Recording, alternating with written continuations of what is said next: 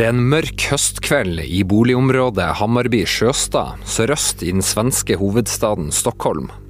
Her ruver høye og moderne blokker over innsjøen Hammarby sjø.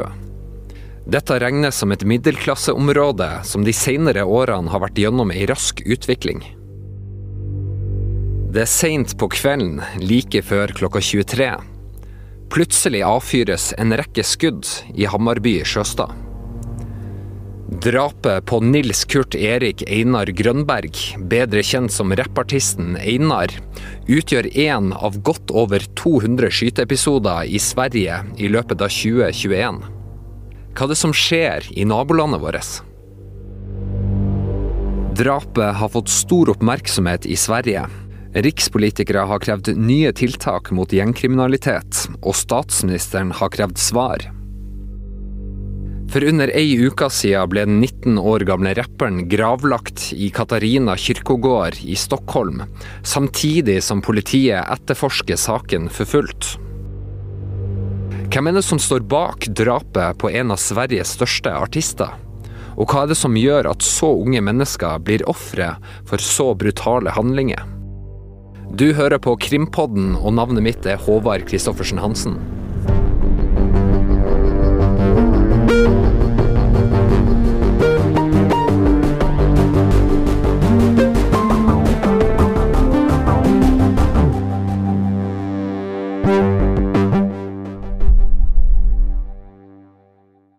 Historien vi nå skal fortelle, involverer unge personer, et hardt miljø og mange triste skjebner. Nå skal vi gi deg innblikk i en nokså ukjent verden. Det er min journalistkollega Isak Egge Brønseth som har sett nærmere på gjengkulturen og på drapet på den unge rapperen Einar. Så sover med pistoler under kudden. De har en enorm ångest och oro. De vet inte vem de kan lita på när din kompis kommer sälja ut dig till någon annan. Alltså det är ett jävla skitliv att leva och du tjänar heller inte mycket pengar på det. Det er gjerne sånn ikoner blir til. Så Einar kommer jo sannsynligvis, eh, altså med all sannsynlighet, til å bli husket som et eh, ikon.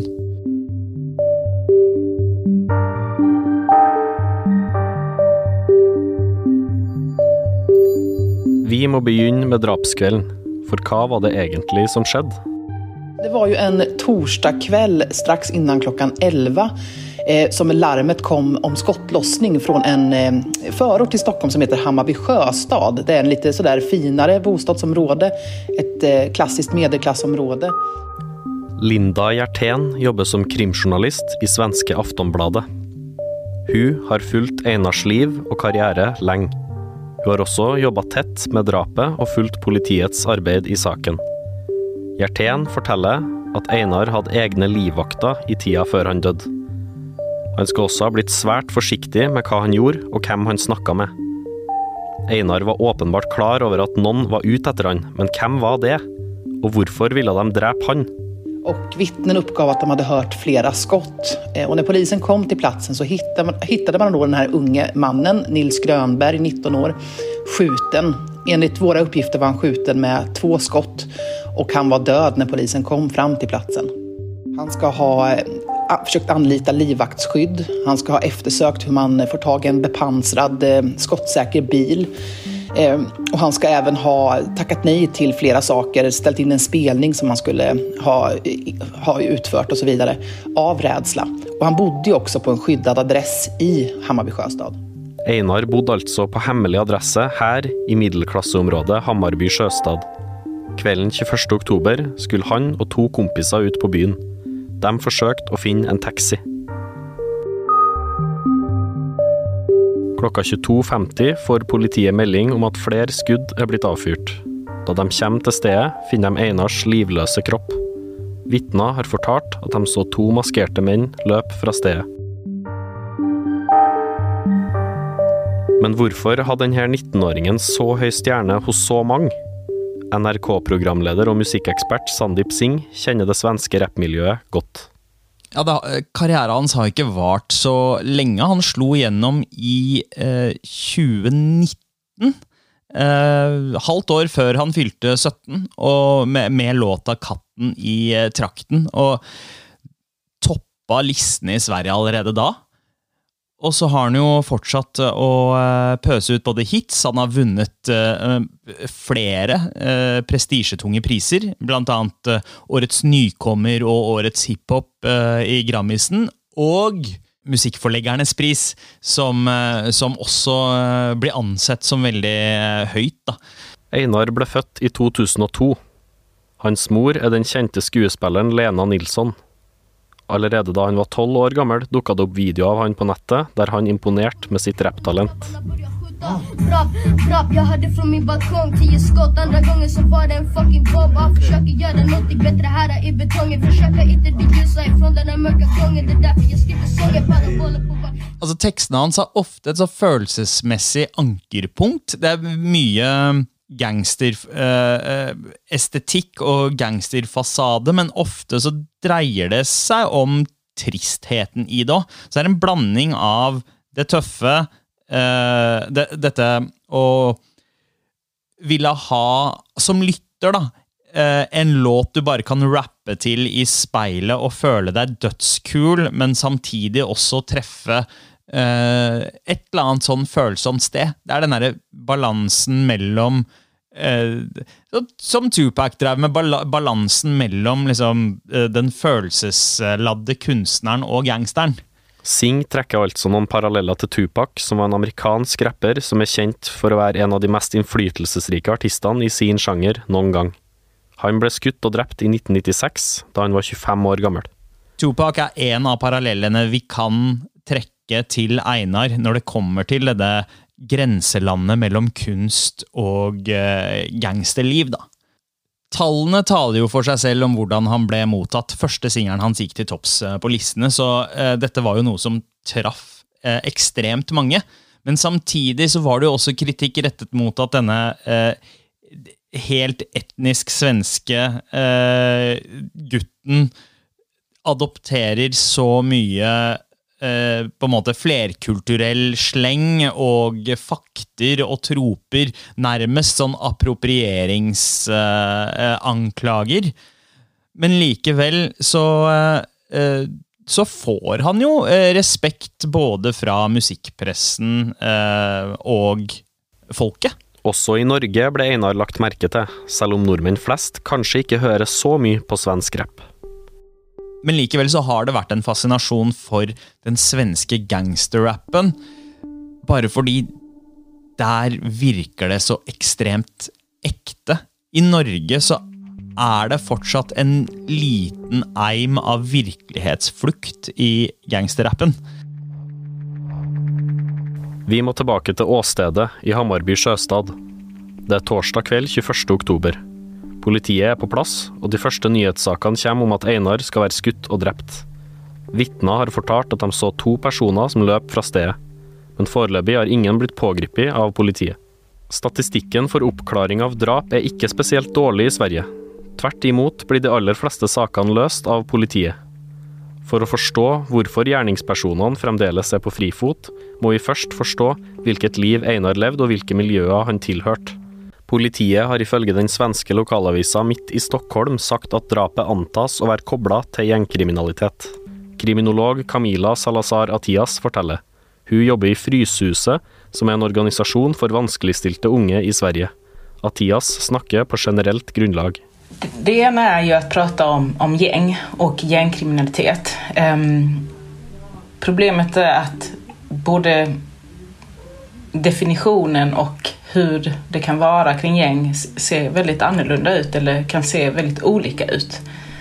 Um, så att om man pratar om traditionella eller klassiska gäng uh, och där ingår till exempel MC-gängen som Hells Angels och Bandid och så vidare. Där finns det vissa strukturer och ganska tydliga sådana i hur man hierarkier och hur man tar sig in och vilken process och så vidare när vi pratar om, om gängkriminalitet som är där vi ser skjutningar och våld just nu i Stockholmsområdet så är det en blandning av, av att det finns identitet med eh, med ett namn eller att man, att man tillhör en viss gruppering. Men de skiljer sig också för att det är, hierarkin är inte så tydligt, grupperingen är inte så tydlig. Attias mener altså at det er viktige forskjeller mellom gjengene som holder til i Stockholm, og det vi kan se på som mer tradisjonelle gjenger. Ulikhetene handler i stor grad om hvordan de er organisert. Einar skal ikke selv ha vært direkte kobla til noen gjeng i Stockholm. Likevel skal personer han kjente ha vært tilknytta det kriminelle miljøet, skriver Aftonbladet. Livet i de her gjengmiljøene kan være brutalt. Våpen, narkotikahandel og hevn er bare noe av det som inngår i hverdagen. To andre rappere, som begge kobles til kriminelle gjenger i Stockholm, var sammen med Einar da han ble skutt, ifølge Aftonbladet. Linda Gjertén forklarer. Ja, Einar skal ikke ha hatt noen direkte direkt koppling til noe slags gjeng eller kriminellt nettverk. Eh, Derimot så har han rørt seg i sånne miljøer stundtals og även i låttekster og videos kanskje gjort så kallade shout-outs till eh, olika gängkriminella. Eh, det er jo noe som man ser ganske mye i den svenska gangsterrappen som den har kommit att kallas. Att man lierar sig med olika kriminella nätverk och de använder den lite grann som en, en marknadspelare kan man säga, en reklampelare för for, for sin kriminalitet. For Einar ble 2019 det store gjennombruddsåret. Flere jubla han fram på scenen da han mottok prisen for årets låt for hiten 'Katten i trakten'. Den unge artisten takker mamma og pappa, og har tatt steget fra å være undergrunnsartist til å ligge på toppen av hitlistene. Ja, om man börjar med hans karriere, så kan man si at han slog igjennom med, med buller og bång. Alltså, han eh, har ju spelats enormt mye. Han er en av Sveriges mest spelade og strömmade artister. Eh, og hans tekster har jo opprørt mange, framfor alt oss litt eldre som kanskje ikke liksom forstår den här, den här subkulturen som han sjunger om. Men det har ju berört enormt många unga som ja, men dels kanske känner igen sig i hans musik, i eh, som själva lever i de här förorterna som är lite liksom bortglömda av övriga samhället kanske, där det råder nästan som en, som en egen slags, ett eget slags samhälle med egna regler. Och eh, Einar själv då, han har ju eh, vunnit flera priser. Han har eh, hyllats som textförfattare men han har också kritiserats för att han han, liksom flera andra av de här så kallade gangsterrapparna, eh, anklagas ju för att liksom förhärliga våld. Att eh, att lyfta fram ett kriminellt liv som någonting eftersträvansvärt när det i själva verket är tvärtom. Eh, Einar själv då, han har ju varit omskriven under ganska lång tid. Det började ju redan i fjol. Tidlig i april i 2020 skjer det noe svært alvorlig med den da 18 år gamle artisten. Einar blir trua med kniv og føres til en leilighet i Vårberg i Stockholm. Da han kidnappades av et kriminellt nettverk som heter Vårbynettverket. Han eh, hölls fången i en lägenhet där han utsattes för förnedrande behandling. Han blev misshandlad, han blev iklädd hundkoppel eh, och eh, damunderkläder. Medan de här kidnapparna då fotograferade honom i olika förnedrande poser. Så att, och, de sa att om inte vi får tre miljoner kronor då ska de här bilderna spridas. Den natten eh, överlämnade Einar då eh, några guldkedjor, en, en dyr klocka och ett vapen till kidnapparna. Men de här tre miljonerna kronorna kunde han ju inte få fram. När Einar inte gav dem pengarna bestämde de sig för att ta grepp. Eh, det här gjorde att kidnapparna blev ganska irriterade, vilket man har kunnat se sen och belägga liksom via deras egna meddelanden som har som varit offentliga genom tingsrätter och, och tingsrättshandlingar. Eh, så började de då diskutera hur de ska kunna få Einar att betala de här pengarna. Så de byggde faktiskt en spränganordning som de var på väg med i en bil till Einars bostad. De hade tänkt att placera den här väldigt kraftiga sprängladdningen utanför hans dörr för att skrämma honom och hans familj att betala pengarna. Som tur var eh, så var polisen på plats så de fikk vända og kunne ikke gjøre allvar av denne planen. Eh, men det här var ju ett väldigt uppmärksammat fall, inte minst for at Einar selv ikke alls ville medverka i polisutredningen. Han dök ikke ens opp i tingsrätten når han var kallad og vittna. Men efter den här kidnappningen så ska han ha vært betydelig försiktigare. Han skal ha tackat nej til rätt mycket sociala sammanhang, eh, tänkt väldigt mycket på sin personliga säkerhet. Rapperne Yasin Byn og Haval Khalil er blant dem som senere er blitt dømt for kidnappinga av Einar. Yasin får fengselsstraff på ti måneder og dømmes for medvirkning til kidnapping. Haval dømmes til to og et halvt år i fengsel for medvirkning til kidnapping og medvirkning til ran. Begge anker sin dom, og ingen av dem erkjenner straffskyld. Saken skulle egentlig opp i en høyere rettsinstans bare en uke etter Einars plutselige død. Tidligere i oktober var også Einar innblanda i en knivepisode på en nattklubb i Stockholm. Inntreffet en knivskjæring på en ganske trendig restaurang, nattklubb i Stockholm som heter Norsh and Chow. Eh, En person med gjengkriminelle koblinger ble knivskuren der. Och eh, tre personer grep samme kveld, der Einar var en av dem, mistenkt for det her mordforsøket. Men han slapp sen i brist på bevis. Efter den här händelsen ska han ha varit ännu räddare, enligt våra uppgifter. Det har vært minst 40 drap i Sverige så langt i år som har gjengkriminelle koblinger, ifølge NTB. I området Jerva, som ligger nordvest i Stockholm, er det kun oppklart hvem som sto bak én av i alt 17 skyteepisoder så langt i år. Ni av de her har endt med drap i området der det bor om lag 90 000 mennesker. At mange velger å ikke snakke med politiet, er et sentralt problem. Og det beror jo på masse saker. Dels eh, at gängkriminella ju verkligen inte vill prata med eh, polis. Inte heller om du är, är offer för gängkriminaliteten och själv kanske också är gängkriminell så, så pratar du heller inte med polis, inte ens för att skydda dig själv. Flere unge i de kriminelle miljøene i Stockholm har det vanskelig å leve et urolig liv, ifølge Hjertén. Så jättemånga sover med pistoler under kudden. De har en enorm ångest och oro. De vet inte vem de kan lita på när din kompis kommer sälja ut dig till någon annan. Alltså det är ett jävla skitliv att leva och du tjänar heller inte mycket pengar på det. Kriminolog Atias mener den dårlige oppklaringsstatistikken når det gjelder saker i disse miljøene, sender et signal til andre potensielle lovbrytere. Krimpodden har gjentatte ganger vært i kontakt med svensk politi, men de ønsker ikke å besvare spørsmålene våre i denne podkasten. At vi har så låg oppklaringsgrad på så grove brott sender veldig dårlige signaler, ikke bare i samfunnet i stort men også til den målgruppen At det, muligheten at du kommer undan er veldig høy. Og det gir dem også et eh, ja, men vad vi kallar våldskapital. Alltså det, de, ger, de får mer makt helt enkelt. Programleder Håvard Kristoffersen Hansen og krimkommentator Øystein Milli møtes i studio i VG-huset for å diskutere gjengproblematikken og hvordan situasjonen i nabolandet vårt er. Som jo denne kriminologen eh, sier, så er jo oppklaringsstatistikken til drap i, i disse miljøene i Sverige veldig lav. Bare i området Jerva, som ligger nordvest i Stockholm, så er det kun oppklart hvem som sto bak én av i alt 17 skyteepisoder i 2021, og ni av disse har da endt med drap. Eh, Hvordan konsekvenser kan denne type tall føre til?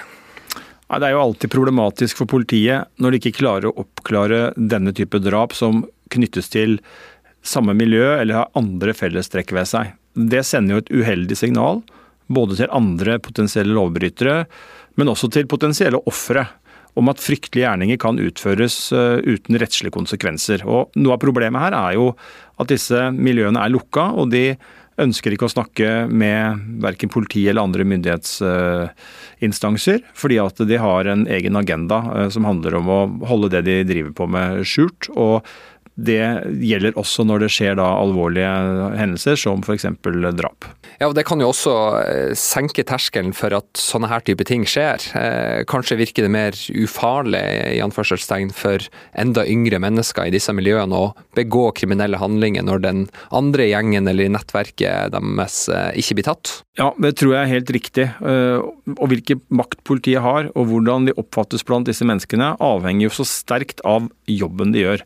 Og jo flere drap de ikke klarer å oppklare, jo mindre autoritet får de i miljøene der de allerede sliter med lav tillit, og gjengene vil føle seg enda mer overlegne og uh, i enda større grad ikke forholde seg til politiet. Uh, dette er jo et lukket miljø. De ønsker i utgangspunktet ikke å prate med politiet. Og hvis de da ser at uh, ja, etterforskerne ikke lykkes i å ta dem, avsløre dem, så vil jo det være vann på den mølla. I denne episoden så har vi jo tatt utgangspunkt i drapet på den kjente rapperen Einar. Tror du det er enda viktigere for politiet når offeret er en kjent musiker, å oppklare denne saken, eh, altså pga. Einars kjendisstatus? Ja, det tror jeg. fordi at dette blir en symbolsak. Og hvis man mislykkes her, så får det mye mer oppmerksomhet enn en, mer anonym sak. Og Derfor så blir også oppsida for politiet ved å lykkes så mye større. Klarer man det, så statuerer man et eksempel.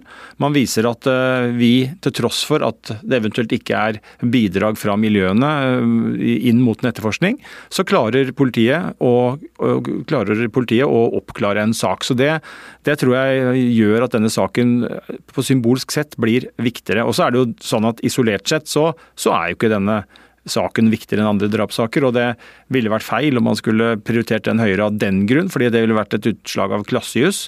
Eh, men som du er inne på, Øystein, en av grunnene til at uh, gjerningspersonene ikke er pågrepet i denne saken, det kan jo være at uh, unge mennesker i denne type miljøer nesten av prinsipp ikke snakker med eller samarbeider med politiet. Jeg har jo vært flere turer i Sverige for å lage journalistikk på gjengkriminaliteten der, og jeg har vært to ganger i Malmö, og så har jeg prata med unge folk som forteller om denne hysjkulturen, eller snitches get stitches-kulturen, som de kaller det. Det gjør det jo vanskelig for eh, politiet å innhente informasjon og detaljer for å forstå hvem som står bak. Eh, hvorfor er det sånn, tror du, og, og, og hvordan oppstår denne grunnleggende mistilliten? Det svaret er nok veldig komplisert og sammensatt. Mye handler jo også om kriminell virksomhet. Eh, det er ikke til å stikke under en stol. Det er handel med narkotika, det er våpen, Eh, det er andre ting som man kan tjene penger på, eh, da kriminell virksomhet. Eh, og det er klart, penger er makt, og penger gir deg en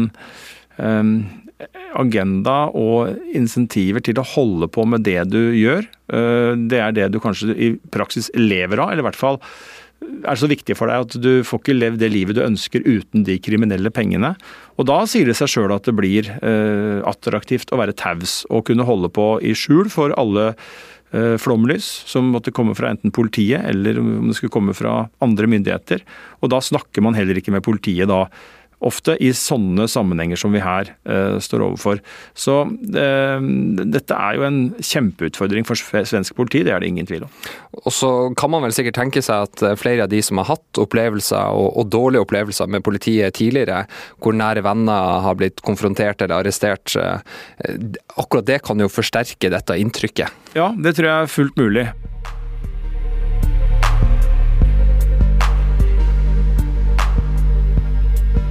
Sandeep Singh er radioprogramleder i NRK og musikkekspert. Han mener svensk rappkultur skiller seg fra den norske på flere måter. Man, man snakker jo fortsatt om A- og B-gjengen uh, i Oslo på eh, 90-tallet. Et noe medieskapt fenomen, men samtidig så se for deg den krigen, men at et par av A- og B-gjengen-folka var prominente rappere i tillegg. Og det er jo litt det det her er. Karer som har vokst opp i eh, områder med utfordringer, har eh, venner som ender opp med å bli kriminelle. Noen klarer seg og, og, blir, og får anerkjennelse for musikken deres, men er fortsatt såpass inn i det livet som de har vokst opp i, at de ikke helt klarer å løsrive seg fra det. For det er deres virkelighet. Og Einar opplevde det nok slik sjæl. Første videoen hans var dedisert til en eh, kompis som hadde blitt skutt. Når du er 16 år gammel og har en kompis som har blitt skutt drept, da skjønner du at uh, det er en litt annerledes oppvekst vi har med å gjøre her. Singh mener at den svenske gangsterrappen kan ses på som et resultat av den kriminelle gjengkulturen. Låtene gjenspeiler livet på innsida av de her nettverkene. Det er litt vanskelig å, å, si hva som er ekte og hva som er skryt i låter. Um, som regel så pleier jo ikke rappere å snitche på seg selv ved å uh, Altså kriminelle rappere som snakker om hvem de er kobla til, og på hvilken måte de bedriver kriminalitet, uh, vil jo bare rett og slett tyste mot seg sjæl. Og det er ikke så lurt. Så, så, det er vanskelig å si hva som er ekte, og hva som ikke er. Men uh, det er jo flere uh, Visstnok flere skikkelser uh, i gjengmiljøene som har dukka opp i musikkvideoene til uh, Einar. Vi skal tilbake til Håvard og Øystein i studio. Hva vet vi om politiet sitt arbeid i denne saken? Svensk politi var jo veldig tidlig på og bestemte seg for å opprette en egen gruppe, en Einar-gruppe, som skal jobbe med den saken her. Og Så gjør man da, da i starten, som så ofte ellers, eh, samler inn informasjon fra området rundt eh, åstedet. Man går eh, dør til dør. Eh, Rundspørring. Ja, mm. rundspørringsaksjon. Man setter i gang med et eh, omfattende arbeid med å innhente opplysninger, elektroniske spor, sikkert videoovervåkning, mobiltelefoner, folk som har brukt kredittkort. Man forsøker da kartlegge så godt som mulig hvem var innafor et gitt geografisk område. Man kan godt tenke at man slår en, setter passeren i, i, på åstedet og lager seg en uh, sirkel rundt åstedet og sier at alle som var her inne skal vi ha kontroll på. Mm. Klarer vi det, uh, så har vi gjerningsmannen. Uh, og Sånn jobber politiet i Norge også. og så er det jo sånn at politiet tilsynelatende ikke står på bar bakke her. fordi at Aftonbladet meldte jo nå for noen en tid tilbake, 10.11, at politiet jobber fra, ut fra flere teorier. Og de mener det er to personer som uh, faktisk står Einar, eller sto Einar nær, som uh, blir kartlagt og som man kikker på. Og vi vet at de har tatt klærne deres og undersøker dem for tekniske spor. Og da betyr jo at disse personene ikke er vanlige vitner uh, automatisk, men at man gjør en ytterligere kontroll. Og da leiter man etter DNA Eh, blod, kruttslam fra et våpen, og ser om man kan finne noen Uh, indikasjoner på at disse to mennene, hvis det er menn, uh, har noe med dette å gjøre. Og Aftonbladet skriver også at politiet undersøker en FaceTime-samtale som skal ha kommet fra åstedet like etter at Einar var skutt og drept. Og dette anropet skal ha gått til en person med gjengkriminelle koblinger. Hva mer vet vi om det? Vi vet jo at innsatslederen uttalte til den eh, svenske avisen Aftonbladet at de nå jobber i en klar retning. Og Det indikerer jo at politiet i Stockholm har tro på at de kan løse denne saken her.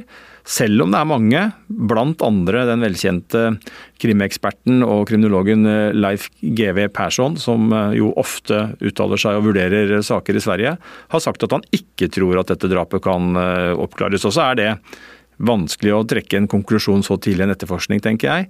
Eh, så jeg eh, følger i hvert fall spent med på utviklingen. og eh, er ja, spent på bl.a. om svensk politi etter hvert kan komme til et gjennombrudd. Og Det er jo ikke første gang at det er fokus på gjengkulturen i Sverige i media. Så langt i år så har det jo vært godt over 200 skyteepisoder i landet, ifølge SVT. Og de fleste av ofrene er mellom 15 og 24 år. Og så finnes det over 1000 skytevåpen blant kriminelle bare i Stockholm. Eh, hva tenker du om disse tallene? Først og fremst så forteller jo det om at dette er fryktelig komplisert. Og det forteller om et stort problem eh, blant unge mennesker. Eh, og det forteller også om at det er mange unge mennesker som vokser opp på en måte som de ikke burde vokst opp på. De har muligens ikke tilgang til de ressursene de burde ha. I stedet har de tilgang til våpen og kriminelle forbindelser, og blir sikkert også tilbudt å utføre kriminalitet. Verves, for alt jeg vet, i tidlig alder også. Så dette senker jo terskelen i sum for å utøve trusler og vold. Og det er vanskelig å komme ut av dette. Det er en ond spiral. og Jo tidligere du kommer inn, og så er, jo lettere er du selvfølgelig å påvirke. Mm. Men de tingene du prater om nå, de er jo eh, kanskje for mange nordmenn da, vanskelig å i det hele tatt begripe. Eh, selv om vi jo faktisk har hatt en del skyteepisoder i Oslo i, øst, i høst. Eh, men vi sammenligner oss jo ofte med Sverige. Eh, og våre to land har jo mange fellestrekk, men akkurat på det punktet her så er det nesten sånn at det ikke er sammenlignbart.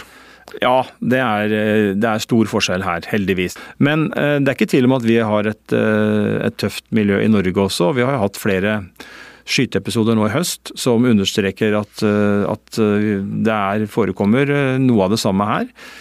Og så vet vi jo ikke alt om alle disse episodene enda, og vi vet ikke i hvilken grad det er gjenger og om, om det henger sammen osv. Det tyder jo ikke på at det gjør det per nå, i hvert fall. Mm. Så, så, de svenskene er, har et større problem uh, enn det vi har. Det er flere og mer uoversiktlig. Uh, og, og, det er krevende etterforskninger de står overfor. For hvert eneste drap så må jo Politiet forsøke å nøste opp disse trådene da, og prøve å finne ut av hvem er det som står bak. Og når uh, folk er opptatt av å skjule spor, uh, folk er opptatt av å ikke snakke, ja, i hele tatt opptatt av å være mest mulig usynlig og har en avvisende, veldig avvisende holdning til politiet, så, så klart at det blir bare vanskeligere. Og så er det jo sånn at eh, åtte av ti skyteepisoder som har fått dødelig utfall i Sverige, er knytta til kriminelle miljøer. Eh, og Det kommer fram en rapport fra Brottsforebyggende rådet. og Den er fra i vår, eh, så det er ferske tall. Og I denne rapporten så pekes det på tre grunner til denne økningen eh, i Sverige. og Det er fremvekst av kriminelle nettverk, dårlig integrering og politiske beslutninger. Kriminologen mener at problemene er dypt etablert, og at man må sette inn ressurser i de sårbare områdene. Vi behøver se til at skolen har rett ressurser, så at, de, så at alle barn i største mån klarer av skolen og går ut i grunnskolen og kan lese videre. Vi behöver også se til at, att boendemiljön är en miljö der man kan, ja, eh, där man ikke bor så trångbott og der det, inte, där det också finns service og och hela samhället finns närvarande så at det er et ett helt samhälle så att säga. Men, men sen behöver vi også skapa arbetstillfällen, möjligheter eh, förstå eh, att man öppnar upp eh, möjligheten till att anställa både unga men också eh, i nätverk som man inte där man inte, som inte är ens egna så att säga. Så att, eh, så att det är en, en blandning av åtgärder som jag tror vi, vi, eller inte tror, jag är säker på att vi behöver göra tillsammans för att vi ska kunna ta oss igenom det här. Sveriges statsminister Stefan Löfven, artisten Sara Larsson og den norske rapperen Kamelen er blant dem som har uttrykt sin sorg etter Einars dødsfall. Sandeep Singh tror han vil bli huska som noe mer enn bare en talentfull artist. Han er død. Han er ikke her uh, lenger. Det er en gigantisk altså, tragedie for uh, hans uh, familie og venner. Men det er gjerne sånn ikoner blir til. Så Einar kommer jo sannsynligvis, eh, altså med all sannsynlighet, til å bli husket som et eh, ikon.